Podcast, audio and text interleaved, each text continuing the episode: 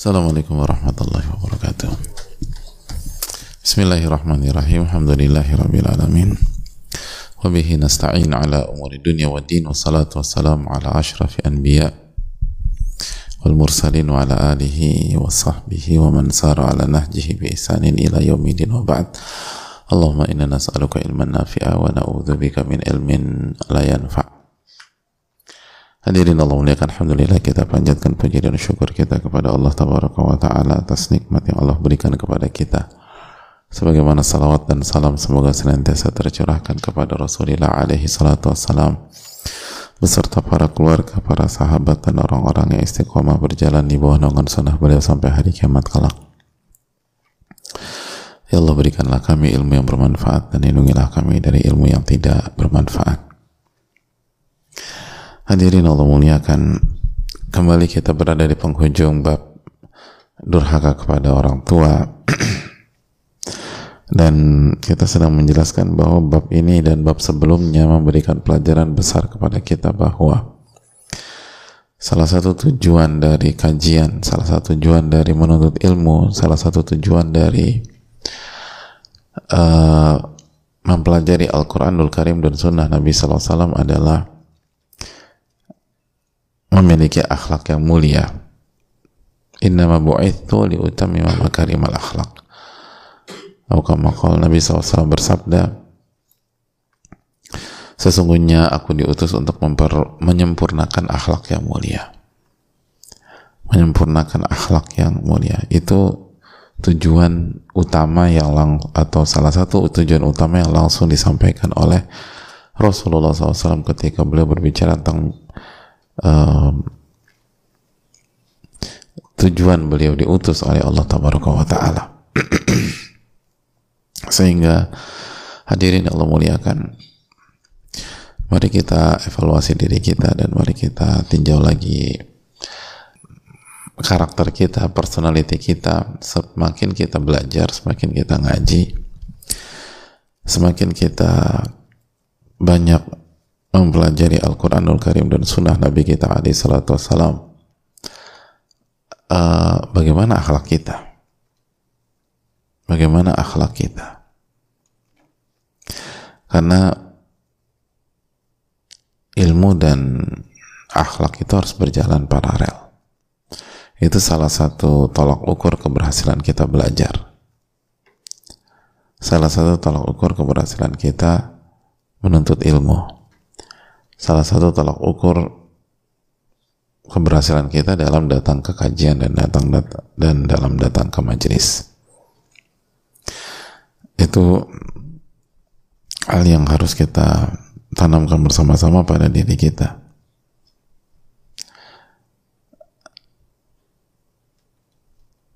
Dan uh,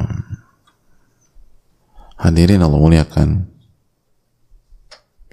sampai-sampai Nabi kita alaihi salatu wassalam pernah menyampaikan tentang ciri-ciri orang munafik. Ciri-ciri orang munafik.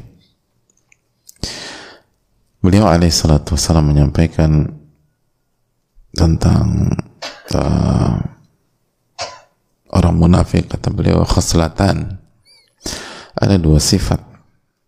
La tajtami'an fi munafiq.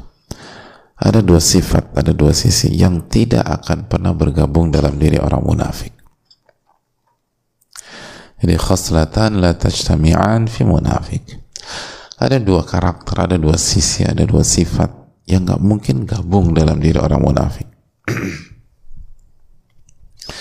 Artinya, kalau dua sifat ini kita memiliki, confirm kita bukan orang munafik.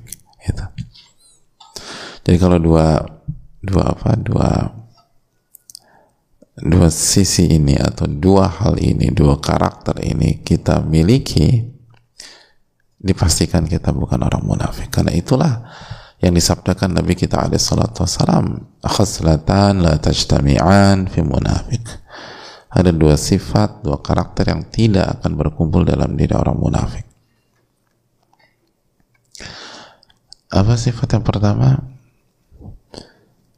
husnu samtin. Husnu samtin. Husnu samti. Atau husnu samtin.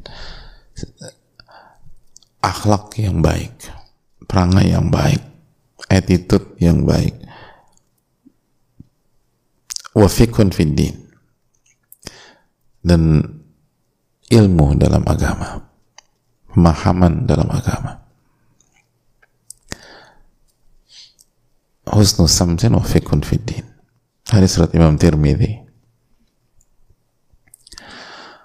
Jadi kata Nabi alaihi salatu wasalam dua sifat dua sisi ini kalau dimiliki oleh kita gak akan kita jadi munafik. Husnu samtin akhlak yang baik. Akhlak yang mulia perangai yang indah attitude yang bagus. Dan yang kedua fikun fiddin pemahaman dalam agama. Ilmu tentang agama artinya kalau kita hanya mengandalkan pemahaman kita kalau kita hanya mengandalkan uh, luasnya ilmu kita tapi kita punya sikap yang buruk terhadap orang tua misalnya kita masih punya peluang besar jadi orang munafik hadir. Kalau kita punya uh, pemahaman yang dalam tentang fikih tentang rukun-rukun iman tapi kita nggak bisa jaga lisan lisan tuh nggak bisa diajak lembut, santun, uh, punya bahasa yang baik. Maka kita punya peluang besar jadi orang munafik. Cara agar kita steril dari kemunafikan dan cara agar kita terlepas dan terbebas dari kemunafikan adalah menggabungkan antara sikap dan akhlak yang baik dan pemahaman yang dalam dalam agama. Karena dua hal itu nggak akan pernah bergabung dalam diri munafik. Nggak akan pernah bergabung.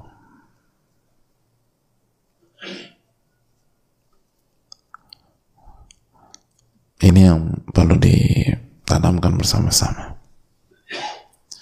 Jadi jangan cepat puas ketika kita banyak tahu. Jangan terlalu cepat puas ketika kita banyak datang ke kajian. Jangan cepat puas ketika kita menyelesaikan berbagai macam buku dan kitab. Sedangkan kita belum mengevaluasi diri kita, belum mengevaluasi sikap kita, belum mengevaluasi perangai kita, belum mengevaluasi attitude kita, belum belum mengevaluasi uh, lisan kita, belum mengevaluasi sikap-sikap kita. Karena sebatas Anda tahu banyak itu belum tentu Anda selamat di dunia dan di akhirat.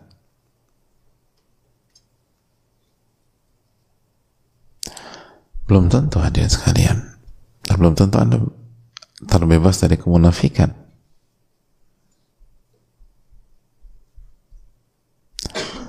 itu uh, itu kaidah. Wong ahlul kitab aja apa kata Allah Subhanahu wa taala dalam surat Al-Baqarah 146 ya'rifunahu kama ya'rifuna abna'ahum.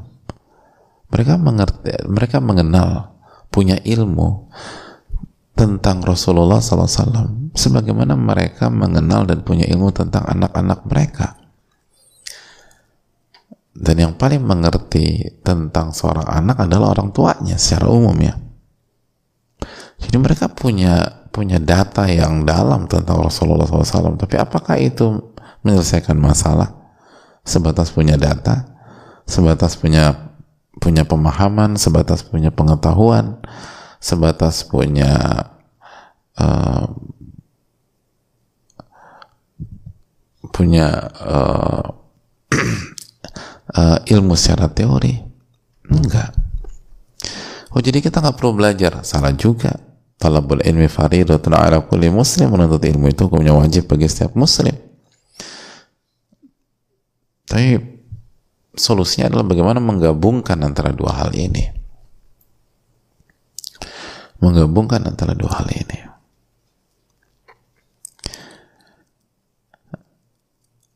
La khaslatan la tajtami'an fi munafiq dua sifat dua hal yang tidak pernah bergabung dalam diri orang munafik. Maka hadirin Allah muliakan marilah kita uh, renungkan dan dan evaluasi. Kita sudah selesai bab ini ada ratusan dan ada banyak sekali uh, hadis yang sudah kita pelajari. Nah pertanyaannya, apakah berbanding lurus dan berjalan secara paralel dengan sikap attitude akhlak kita. Kita udah sampai bab ke-41 misalnya. Terus gimana nih? Husnul samtin kita uh, bisa mengimbangi nggak? Gitu loh. Bisa mengimbangi atau atau tidak? Kita udah bahas misalnya 300an hadis. Oke ada perubahan nggak Semua selalu demikian.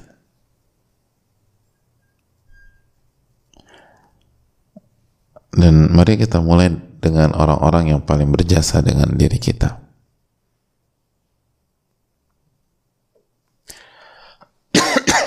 Seperti bab ini.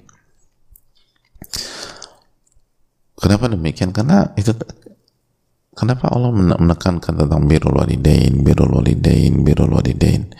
Ya karena mereka paling berjasa bagi diri kita.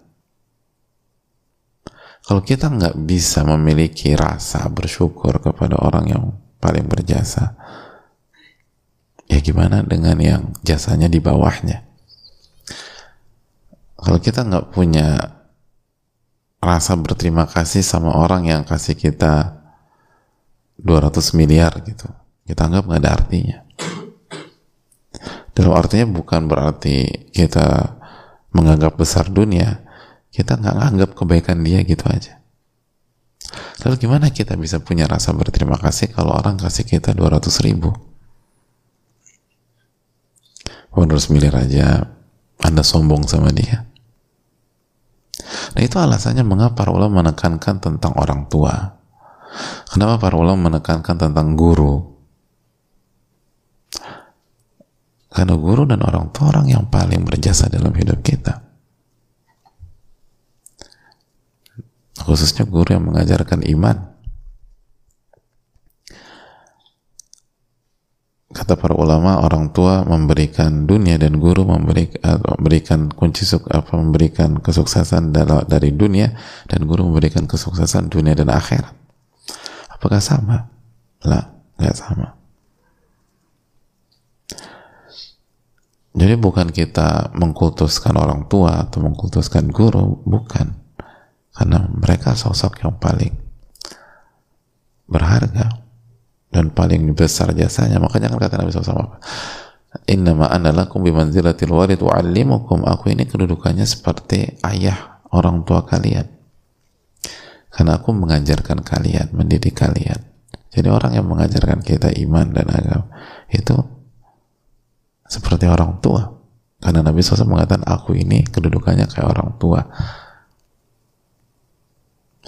Nah kenapa langsung dianalogikan ke orang tua? Karena orang tua paling tinggi sesimpel itu.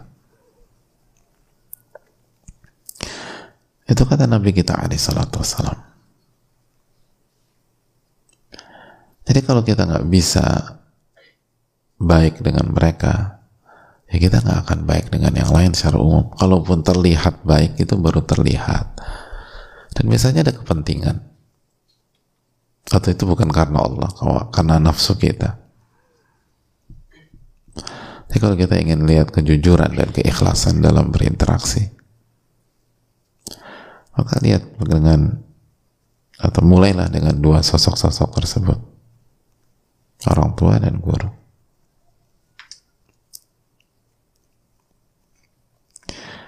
itu hal yang perlu kita tanamkan bersama-sama.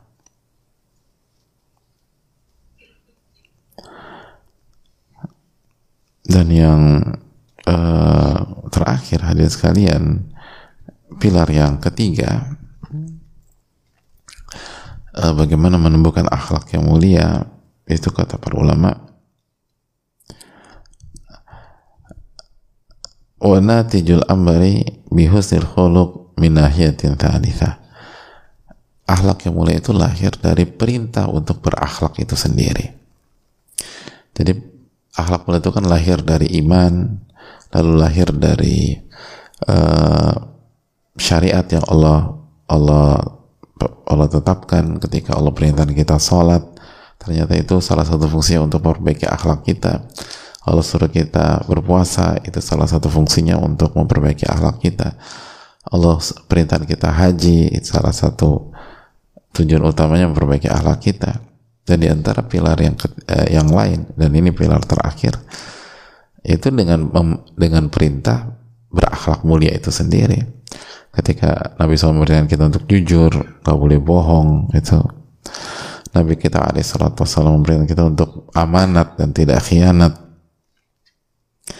Bahkan Nabi SAW bukan hanya melarang tapi mengharamkan dan meletakkan beberapa akhlak yang tercela itu sebagai dosa besar. Sebagaimana ini durhaka sama orang tua dosa besar. Bohong dosa besar. Khianat dosa besar. Pengkhianatan itu dosa besar. Nah fungsinya apa sih? Agar hamba itu takut untuk jangankan untuk mengerjakan dekat-dekat takut. Karena dosa besar. Dan ketika hamba itu takut mengerjakan akhlak yang buruk tersebut maka itu menolong dia dan membantu dia untuk hanya hidup dengan akhlak yang mulia. Karena dia takut. Dia nggak mau jauh-jauh gitu. Orang yang takut ketinggian itu nggak akan mau diajak naik gunung gitu loh Nggak, nggak, nggak, nggak. Apalagi panjat tebing udah sel selesai. Orang yang takut tenggelam atau takut dengan air itu nggak akan mau diajak ke laut lepas. Bahkan diajak uh, nginep di cottage di pinggir laut aja dia nggak mau. Karena gue gue mendingan ke puncak aja deh. Gue nggak mau naik ke sini. Nggak mau. Nggak, nggak, nggak, nggak mau. Itu hadir. Jadi rasa takut itu membuat seseorang itu menjauhi itu aja poinnya. Nah, Allah Subhanahu wa taala menetapkan ada banyak akhlak yang tercela menjadi dosa-dosa besar itu agar kita itu takut. Nah, kenapa? Terus ada apa ketika kita takut? Ada nggak mau dekat-dekat gitu aja. Anda nggak mau, Anda mau menjauh. Maunya meng, bukan jadi bukan hanya jadi dan udah nggak ada keraguan.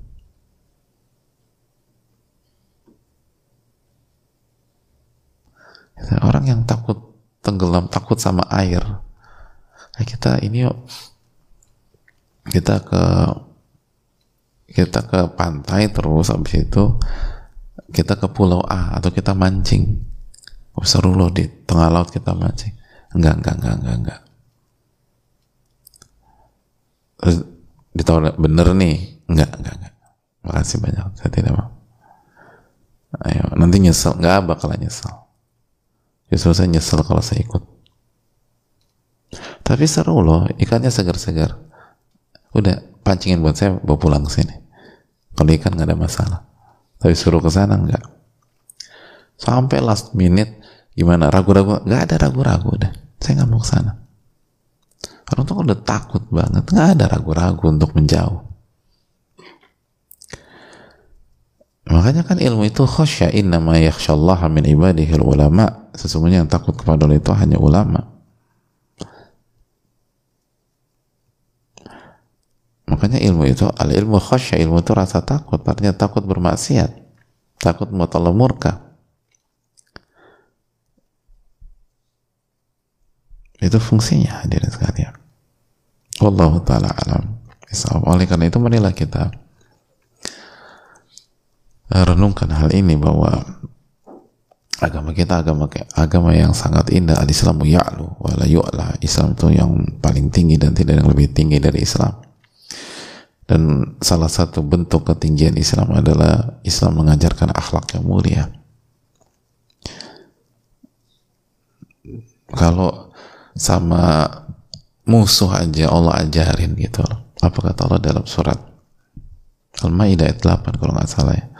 Wala yajrimannakum syana'anu qaumin ala alla ta'dilu i'dilu huwa aqrabu litaqwa jangan sampai ketidaksukaan kalian kepada sebuah kaum membuat kalian tidak bersikap adil gak bersikap objektif objektif lah bersikap adil lah karena objektivitas dan sikap adil itu lebih dekat kepada ketakwaan Allah yang berfirman jangan sampai ketidaksukaan kita, kebencian kita kepada seseorang membuat kita nggak objektif. Objektif lah, ini perintah objektif, adil dong. Kalau emang dia punya hak kasih haknya. Tapi gue nggak suka sama dia, ya itu bukan urusan. Anda suka nggak suka itu pribadi Anda, tapi kalau dia punya hak kasih hak dia.